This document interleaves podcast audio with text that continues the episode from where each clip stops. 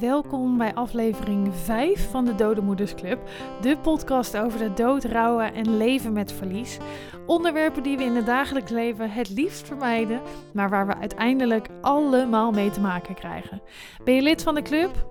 Allereerst, sorry, ik weet dat dit niet de tofste club is om bij te horen, maar ik hoop je met deze podcast een fijne plek te geven om je even helemaal terug te trekken, herkenning te vinden, te lachen, te huilen en je te inspireren om alsnog alles uit het leven te halen. Geen lid van de club, gefeliciteerd. Laten we dit vooral zo houden. Dan hoop ik dat je in ieder geval inspiratie haalt uit deze podcast om de mensen om je heen die wellicht wel in de situatie zitten te helpen hierbij. Vandaag is een solo aflevering. De ene week ben ik altijd met gasten en de andere week zonder. En vandaag zit ik hier helemaal alleen in mijn woonkamer. Ik heb net een lekker potje gejankt, dus dit is het perfecte moment om even wat te vertellen over rouwen. Let's talk about death, baby. Let's talk about loss and grief. Let's talk about all the feelings and the struggles death can bring. Let's talk about death, baby. Let's talk about loss and grief. Let's talk about all the feelings and the struggles death can bring. Let's talk about death. Ik was net Jochem Meijer aan het kijken met mijn lieve vriendin en schoonzus. En het was super gezellig, lekker gekletst. Ze ging naar huis en nog geen vijf minuten daarna moest ik ineens heel hard huilen. Ze was echt nog geen vijf minuten weg. Jochem Meijer stond nog aan en ineens was daar rouw en ineens was daar verdriet. En dat bewijst hoe snel de sfeer om kan slaan. En het verbaast me soms nog steeds, maar ja, ergens verwacht ik het ook hier en daar af en toe wel. Het is inmiddels zeven jaar nadat mijn moeder is e- overleden. Maar ja, ik kan gewoon nog steeds zomaar in huilen uitbarsten. En ik weet dat rouwen vaak heel privé is. Rouwen wordt vaak heel erg stilletjes achter de voordeur gedaan. En als je geen ervaring hebt met een rouwproces, dan kan ik me ook voorstellen dat je helemaal niet zo goed weet hoe dat er in de praktijk uitziet. En dat het ook heel moeilijk te bevatten is. Maar het is zeven jaar later. En ik kan nog steeds zomaar in huilen uitbarsten als ik bijvoorbeeld lekker door de woonkamer aan het dansen ben s ochtends. En dan ineens op de grond storten van verdriet. En soms ben ik dan de hele dag van slag. En soms is het na vijf minuten alweer over. En ik kan soms in de keuken staan. Echt zo'n zo'n moment dat je met je ziel onder je armen staat. Dan sta ik even uit het raam te staren en dan zie ik wat vogeltjes, vaak onze twee huisduiven, de achtertuin invliegen. En heel vaak doe ik dat gewoon ja, hersenloos zonder na te denken. En dan ga ik weer door met waar ik mee bezig ben. En soms is dat zo'n moment dat ik ineens in huilen uitbarst. Of niet eens in huilen uitbarst, maar dat gewoon ineens stilletjes de tranen over mijn wangen rollen. En dat ik heel even weer terug ben bij het verdriet en bij het gemis. En dat ik heel even heel intens mijn moeder mis. Oh, en de auto. Dat is trouwens ook zo'n heerlijke plek om even helemaal ineens uh, ja, in je rouw te worden geslagen bijna. En vaak komt dat in de auto wel door muziek, moet ik zeggen. Ik rij soms in de auto en ik vind het heerlijk om dan keihard muziek aan te hebben staan.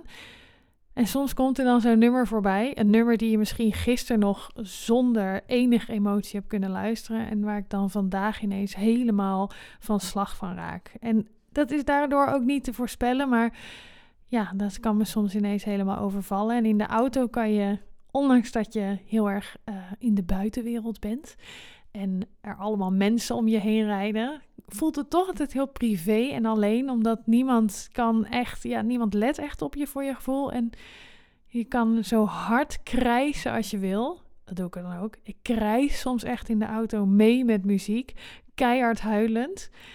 En uh, dat, dat is iets wat je eigenlijk in je huis ook niet kan doen. Want dan ben je ook altijd bang dat de buren je horen. Ik heb dat in ieder geval wel. En in de auto is eigenlijk de enige plek dat ik echt helemaal op de top van mijn longen het verdriet uit mijn lijf kan schreeuwen. En dat is echt super fijn. En rouwen, dat, dat voelt inmiddels ook, ook wel fijn. Het is iets wat echt onderdeel is geworden van mij. En wat ik ook echt kan missen als het er een tijd niet is geweest. Soms kan ik heel lang niet huilen. Of soms ben ik heel lang niet bezig met dat mijn moeder dood is. Of dat ik er mis. Of um, ja, dat ik verdriet heb. En dan ben ik heel erg blij als het er ineens weer is. Dat is een soort van een bevestiging dat ik er nog steeds mis. Een bevestiging dat onze band er nog is. En dan voelt rouwen ineens heel erg als een hele intense verbinding tussen mijn moeder en mij. En dat is een soort van uh, thuiskomen in dat gevoel. Misschien omdat dat gevoel er inmiddels al zeven jaar is. En af en aan telkens onderdeel van mijn leven is. Dat als het heel lang weg is, dat ik ook heel erg dat gevoel kan missen. En dat ik soms ook een beetje het gevoel krijg van: hey, ben ik nou ineens over mijn verdriet heen? En ik zei net dat ik rouw voornamelijk fijn vind. Maar er zijn natuurlijk ook momenten dat ik rouw helemaal niet fijn vind. Want op die kleine momenten, die kleine momenten dat het me ineens overvalt, of dat ik ineens heel erg verbonden ben met mijn moeder in het verdriet, of gewoon even kort kan huilen. Net als daarnet, toen ik Jochem Meijer aan het kijken was en ik ineens moest huilen. Ik weet niet waarom. Ik moest denken aan het laatste weekendje weg met ons gezin, dat we Jochem Meijer aan het kijken waren met z'n allen. En toen moest ik aan mijn moeder denken. Nou, dan is het een soort van uh, domino-rij uh, die omvalt. En dan ga ik steeds dieper in mijn gedachten. En ineens ben ik heel verdrietig. En vijf minuten later ging het weer goed. En dat is hele fijne rouw. Want dan heb je heel even weer contact gemaakt met die rouw. En dan mag het er ook weer even zijn. En soms is rouw echt heel erg intens. Soms is rouw gewoon een totaal controleverlies. Terwijl ik doe alsof ik dan alles onder controle heb, gaat mijn verdriet soms ook echt door merg en been. En dan voel ik in elke vezel van mijn lichaam dat het niet goed gaat. Kruip ik onder mijn dekbed, huil ik als een kind en smeek ik letterlijk om mijn moeder.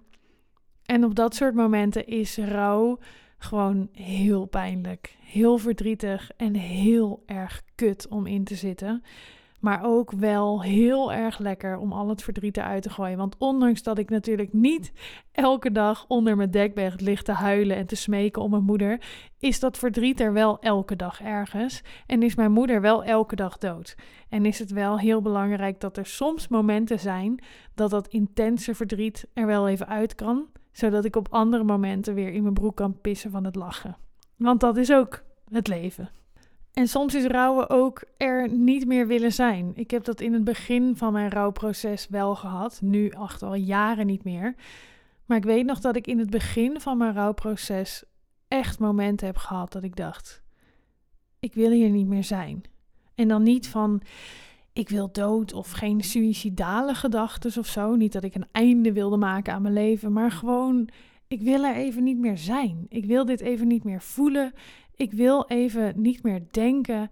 Ik wil gewoon even niet meer zijn en weg van, van de pijn en weg van het verdriet. En dat komt vaak natuurlijk omdat het gewoon zo overweldigend is, alle emoties, dat je ook gewoon niet weet hoe je het aan kan. En dat je geen, geen andere weg meer weet dan, hé, uh, hey, ik wil gewoon even dat ik mezelf uit kan zetten en weer aan kan zetten als het beter gaat. Misschien voel je dat ook wel. Misschien heb je dat wel eens gevoeld. Misschien herken je daarin. Weet dat het helemaal normaal is.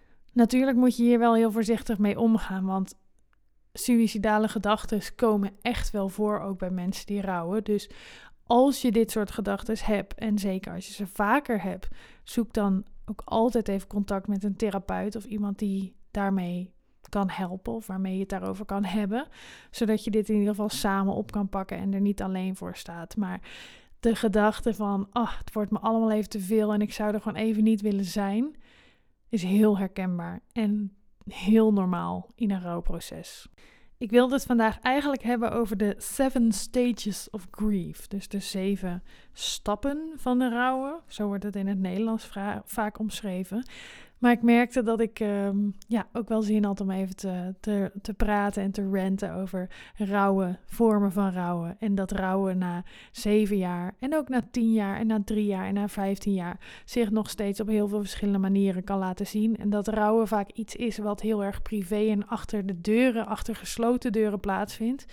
Maar dat dat niet betekent dat het er niet meer is. Dus het kan echt zo klein zijn als een traantje wegpinken terwijl je naar de vogeltjes buiten staat te kijken, tot aan onder je dekbed smeken of je moeder alsjeblieft terug wil komen. En die verschillende vormen en intensiteiten, die zijn allemaal onderdeel van het rouwproces. En een rouwproces is een proces wat jarenlang voortduurt, misschien wel levenslang voortduurt. Want rouwen is echt zo'n onderwerp wat we allemaal zo lekker goed kunnen vermijden in ons leven. Sowieso het onderwerp de dood kunnen we zo ontzettend goed vermijden allemaal. Terwijl het voor zo ontzettend veel mensen zo'n dagelijks topic is waar ze, waar ze mee te maken krijgen en waar ze mee moeten dealen.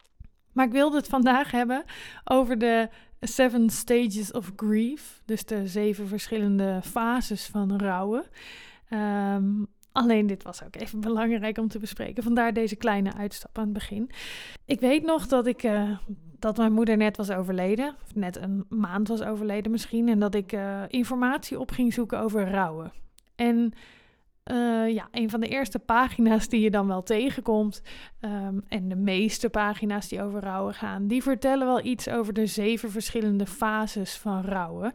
Dus dat is ook het eerste waar ik achter kwam. En het mooie was, ik dacht, top, we hebben een stappenplan. Ik was heel erg van het aanpakken doorwerken en weer verder gaan met mijn leven. Dus ik dacht, we hebben zeven verschillende fases. We moeten nu alleen uitzoeken hoe we zo snel mogelijk door deze verschillende fases heen kunnen werken. En dan kan ik door met mijn leven. Dan zit het rouwen er weer op. Dus zo kwam ik ook een beetje met die instelling kwam ik bij mijn rouwtherapeut. Van nou, laten we dit, uh, ik, ik wilde mee aan de slag, laten we dit vooral doen. Ik wil hier zo snel mogelijk vanaf zijn, dus uh, hup, stappen doornemen en gaan.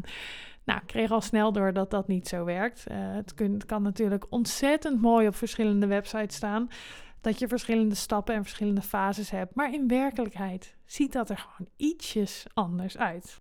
Ik zal je eerst even door de verschillende fases heen lopen. De eerste fase die je tegenkomt is schok en ontkenning. Dus je bent in shock en je ontkent eigenlijk de hele situatie. Je wil nog niet erkennen dat wat er gebeurt ook echt gebeurt. De tweede fase is pijn en schuldgevoel. En dit is het moment dat je een soort van bijna ondraaglijke pijn kan voelen, ondraaglijk verlies. En dat je ook schuldgevoel kan gaan voelen over hoe je dingen aan hebt gepakt. Of uh, schuldgevoel voelt naar hoe jij misschien op dat moment met mensen omgaat. Of dat je je gevoel te veel bij anderen neerlegt. Of nou, dat kan eigenlijk alle kanten op schieten. Fase 3 is woede en onderhandeling. Ja, we gaan dan onderhandelen. Dus um, ja, je gaat misschien als je gelovig bent wel onderhandelen met de God waar je in gelooft. Om te kijken of die er nog iets aan kunnen doen. Of, uh, of zij je kunnen helpen met het gevoel wat je je nu voelt. Fase nummer vier is fase depressie. Nou, dit is een periode waarin je isoleert, waarin je heel alleen kan voelen. En dat is een, uh, eigenlijk een proces waarin je gaat reflecteren op het verlies. Dus dat je heel erg, nou dan keer je heel erg in jezelf en ga je nadenken over wat er allemaal is gebeurd. Dan heb je de vijfde fase, dat is de opwaartse fase. In, in deze fase um, ga je de, al die gevoelens als boosheid en pijn, dat ga je een beetje loslaten. Of dat, dat kun je inmiddels een beetje loslaten. En je voelt je iets kalmer en relaxter. Dus je gaat iets meer oké zijn met de nieuwe situatie, zoals het altijd genoemd wordt. Dan heb je de zesde fase, de reconstructie en ja, de, de, de er doorheen werkfase. In die fase ga je eigenlijk gewoon de puzzelstukjes weer aan elkaar leggen en proberen je leven verder op te pakken. En de laatste fase is acceptatie en hoop. En dit is de fase waarin je ja, accepteert dat je een nieuwe manier van leven hebt of überhaupt een nieuw leven hebt. En dat er eh, nog mogelijkheden en perspectieven zijn voor de toekomst. Nou, dat klinkt toch als een topplan. Als je dit doorloopt, denk je, nou, we raken eerst in shock, dan gaan we wat pijn ervaren, dan uh, gaan we wat woede uiten, raken we langzaam in een depressie, maar op een gegeven moment is er een turning point. En dan gaan we de puzzelstukjes aan elkaar leggen om ons leven weer te beteren. En dan accepteren we hoe het allemaal is gegaan. En dan is er hoop. Ik kan je vertellen, dit gaat zelden tot nooit misschien wel in deze zeven fases. Mijn ervaring is, je schiet misschien van 2 naar 6, naar 3, naar 5, naar 1, naar 7, naar 2, naar 5, naar 3, naar 4 enzovoort. Ik denk dat ik wel begonnen ben bij shock en denial. En ik heb zo'n vermoeden dat iedereen daar wel start op zich. En dat je uiteindelijk ook wel eindigt met, nou, misschien 70% acceptatie en hoop in je leven. Maar tussendoor is het bij mij een soort van flipperkast tussen de rest van de fases geweest. En nog steeds, moet ik heel eerlijk zeggen. Hoewel ik nu niet meer een constante flipperkast van verschillende fases ben, heb ik nog steeds dat ik vanuit mijn acceptatie en hoop soms terugschiet naar meer depressie. Dus meer denk van, ach, ik voel me heel erg alleen, heel erg een alien, heel erg op een eiland met al deze gevoelens. En dat ik heel erg aan het reflecteren ben over wat er allemaal is gebeurd. Soms schiet ik heel erg terug naar de woede. Dat is mijn go-to place eigenlijk wel. Dat is, uh, denk 90% van de tijd schiet ik terug naar woede en uh, haat. En waarom is dit gebeurd? En ik snap het niet. En soms schiet je ook terug naar pijn en schuldgevoel. En heel soms ja, heel soms schiet ik ook terug naar ontkenning, de allereerste fase, en denk ik: dit is allemaal niet gebeurd. Ik geloof het niet meer. Mocht jij dus luisteren en mocht jij ook heel erg in het begin van je rouwproces zitten, weet dan dat jij heel veel verschillende fases gaat ervaren van rouwen. En dat als je soms denkt: oh, dit hebben we gehad, door naar het volgende. Of ik voel nu heel veel acceptatie. Of ik heb nu het door dat ik de puzzelstukjes weer een beetje aan elkaar kan leggen. Dat het helemaal niet erg is en ook geen stap terug is. Als je ineens toch weer heel veel pijn of heel veel woede ervaart. Want je schiet gewoon heel erg heen en weer tussen die verschillende fases. En natuurlijk worden ze minder heftig. En natuurlijk ga je meer richting de positieve fases dan de negatieve fases op een gegeven moment. Maar ze zullen allemaal voor een deel in je leven aanwezig blijven. En je zult af en toe ook terugschieten naar fases waar je liever misschien niet naar terugschiet. Maar blijkbaar heb je dat dan even nodig. Of is er een bepaalde trigger geweest in je leven die je daar naartoe heeft geslingerd. En ik wil het specifiek eigenlijk even hebben over de fase waarin je heel veel woede en boosheid kan ervaren. Ik heb zelf namelijk ervaren dat dit de fase is die het minst geaccepteerd wordt in onze samenleving. Op zich zijn we het allemaal wel eens met als je iemand op jonge leeftijd verliest, zeker een ouder of een kind, nou, het is eigenlijk allemaal even heftig, dan is shock en ontkenning is wel het meest geaccepteerd. Want mensen snappen dat het, dat het iets heftigs is wat je moet gaan verwerken. En dat je misschien niet direct kan beseffen wat je overkomt. En dat je dus best wel in een ontkenning kan zitten of in een, uh, in een shockfase. Wat mensen ook nog wel logisch vinden, is dat je heel veel pijn ervaart. En dat je je ook schuldig kan voelen. Schuldgevoel is ook een heel erg geaccepteerd gevoel in onze samenleving. We voelen ons allemaal wel eens schuldig. En schuldgevoel, daar wordt ook juist heel erg op ingewerkt in onze samenleving. Dus dat, dat is allemaal oké. Dat, dat vinden we allemaal nog oké.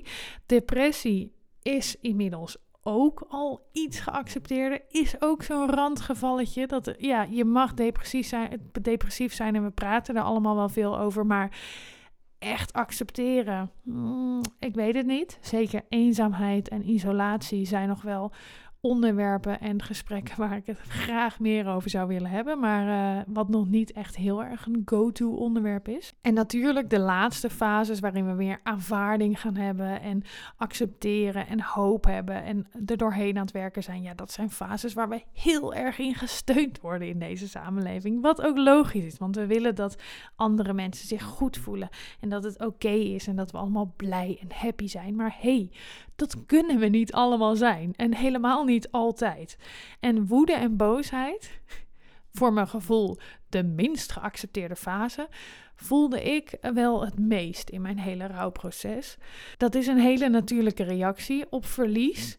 Maar boos zijn vinden we vaak gewoon heel moeilijk om mee om te gaan. Want wat doe je met iemand die ontzettend boos is? Wat kan je daarmee? Je kan zo iemand vaak niet troosten. Je kan op dat moment ook vaak niks goed doen. Maar het is gewoon een emotie die er moet kunnen zijn in je rouwproces. Natuurlijk wel op een gezonde manier en niet op een destructieve manier. Maar boosheid is gewoon een heel normale emotie als je iemand bent verloren. Je hoort het ook vaak dat mensen die rouwen gewoon boos zijn op de hele wereld. En zo voelde ik het ook echt toen ik aan het rouwen was. Ik was er echt boos op de hele wereld. Boos op de artsen die mijn moeder niet hebben kunnen redden, die niet op tijd de ziekte hebben gevonden of toch de verkeerde beslissing hebben genomen.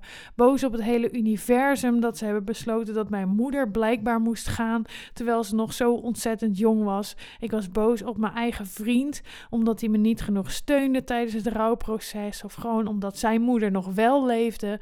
Ik was boos op iedereen die een ongezonder leven leefde als mijn moeder. Dat ik dacht, ja, maar zij was zo sportief en zo gezond. Waarom moest zij dan gaan? En soms kan je ook boos zijn op de overledene. Dat je denkt, maar waarom ben je weggegaan? Ik ben ook echt wel boos geweest op mijn moeder. Omdat ik dacht, je laat me gewoon alleen. We hebben gezegd de rest van ons leven samen. Samen kunnen we alles aan. We hebben, we hebben elkaar beloofd dat we voor altijd samen door dit leven zouden gaan. En dat we in ieder geval altijd elkaar zouden hebben. Twee handen op één buik. Twee mensen op één eiland.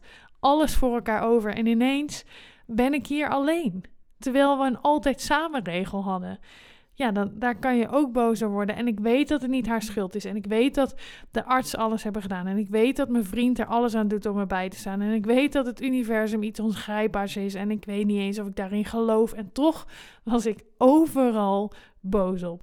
En boos zijn kan ook in plaats van naar buiten heel erg naar binnen gaan. En je kan ook heel erg boos worden op jezelf. Boos dat jij bepaalde dingen hebt gedaan in het afscheidsproces. Of boos dat je niet goed op hebt gelet. Of boos dat jij niet eerder hebt gezien dat je moeder ziek was. Of boos dat je er bijvoorbeeld niet bij bent gebleven toen ze overleed. Of boos dat je er niet beter hebt gepamperd in de laatste periode. Of boos dat je niet meer hebt kunnen bespreken wat je wilde bespreken. Of nou ja, die boosheid kan zoveel verschillende vormen aannemen. Zoveel verschillende vragen kunnen er bij je oppoppen die je weer boos maken. En zoveel verschillende mensen kan de boosheid op gericht zijn. Mensen en situaties. Je kan op alles boos zijn als je rouwt. En dat is ook heel logisch. Tenminste, dat je boos bent, dat is niet per se logisch. Maar dat je zulke heftige emoties ervaart, dat is wel super logisch. Want je hebt net iemand verloren. Dat is heel, heel heftig. Er zitten allemaal emoties in je lichaam en die moeten eruit. En jij kiest zelf in welke emotie die eruit komen. Tenminste, dat kies je soms niet zelf. Ik koos er niet voor om boos te zijn. Boosheid was voor mij een van de makkelijkste manieren om het eruit te laten. Bij boosheid is het alleen jammer dat je vaak de mensen om je heen heel erg bij je wegduwt, terwijl je ze wel nodig hebt. Toen ik in mijn rouwperiode zat, waarin ik heel boos was, had ik juist de mensen om me heen heel hard nodig. Had ik juist een arm om me heen nodig. Had ik juist een knuffel nodig. Maar omdat je heel erg boos bent, stoot je iedereen om je heen af. En dan is het dus heel belangrijk om tegen je omgeving te blijven zeggen dat je wel behoefte hebt aan steun en troosten en een knuffel. Want jij geeft een heel ander signaal af naar de buitenwereld dan waar je intern behoefte aan hebt. Dus dat is wel een verantwoordelijkheid van de rouwende ook, om daar bewust van te blijven. En ik moet zeggen dat ik heel veel respect heb en heel veel liefde heb voor de mensen die om mij heen hebben gestaan terwijl ik in mijn woedende, boze rouwperiode zat. En het was echt niet altijd heftig, maar ik was ook echt niet altijd aardig. Zeker naar mijn vriend toe, want daar heb ik toch wel de meeste rouw, woede op geuit. En het is gewoon heel heftig ook om daarmee om te gaan en een hele lastige situatie. Binnenkort neem ik ook een aflevering op met een vriendin en mijn vriend om ook eens te kijken hoe zij het hebben ervaren, hoe zij mij hebben ervaren terwijl ik aan het rouwen was en hoe zij ja, ook door dat hele proces heen zijn gegaan en wat zij hebben geleerd daarvan. Maar voor nu wil ik in ieder geval duidelijk melden: boosheid is een hele normale emotie als je aan het rouwen bent. Laat het vooral toe, maar probeer er ook een vorm voor te vinden die jou het minst pijn doet en die jouw mensen om je heen, die jou lief hebben, ook het minst pijn doet. Eigenlijk geen pijn doet natuurlijk, dat is het, dat is het meest ideale, maar dat kan je gewoon niet altijd voorkomen. En zorg ervoor dat je ondanks je boosheid en woede wel blijft praten en wel blijft aangeven ook waar je behoefte aan hebt. Want boosheid kan ook heel vaak leiden tot een beetje het afstoten juist van mensen, vrienden en familie die je juist nodig hebt in die periode. En het is zonde als je die kwijtraakt natuurlijk. Alhoewel, sommige mensen haken nu eenmaal af in je rouwperiode. En dat is prima. En sommige mensen haken later af. En dat is ook prima. Dat is ook in het normale leven. Als je niemand verliest en als je moeder niet dood was gegaan en als je vader niet dood was gegaan, dan waren er ook bepaalde vrienden afgehaakt. En dan was je ook misschien in bepaalde fases van je leven weer met andere mensen omgegaan. Dus dat is echt niet erg om ook mensen los te laten. Weet in ieder geval als rouwende en als naaste van een rouwende dat boosheid eigenlijk een pure blijk van liefde is. Liefde en boosheid zitten zo dicht bij elkaar in het rouwproces, omdat je zoveel liefde ervaarde voor degene die er niet meer is. Voel je ook die intense boosheid die je voelt, want je hebt gewoon heel erg veel liefde gevoeld voor diegene en je voelt dat nog steeds. Maar ja, diegene is er niet meer en je boosheid is dan juist een reactie op alles wat je voelt en alle onmacht die je hebt rondom het verlies. En dat is heel erg logisch. Het is een beetje een chaotische aflevering geworden, maar als er iets is wat ik hoop dat je uit deze aflevering meeneemt, dan is het wel dat je vooral heel erg lief voor jezelf moet zijn en dat je jezelf niet moet veroordelen als je boosheid en woede voelt in het hele rouwproces. Of dat nou drie jaar, zeven jaar, tien jaar, vijftien jaar, honderd jaar na het overlijden van jouw dierbare is. Het is een hele normale emotie en hij zal ook af en toe nog de kop opsteken, heel veel later na het overlijden. Dus zorg ervoor dat je daar ook ruimte voor vindt in je leven. En zorg ervoor dat je je afschermt voor mensen die daar te veel kritiek op hebben. Positieve kritiek van mensen die proberen jou het op een goede manier te laten uiten is oké.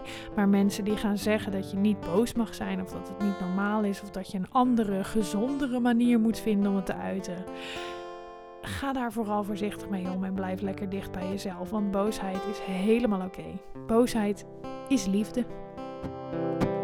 Let's talk about death, baby. Let's talk about loss and grief. Let's talk about all the feelings and the struggles death can bring. Let's talk about death, baby. Let's talk about loss and grief. Let's talk about all the feelings and the struggles death can bring. Let's talk about death.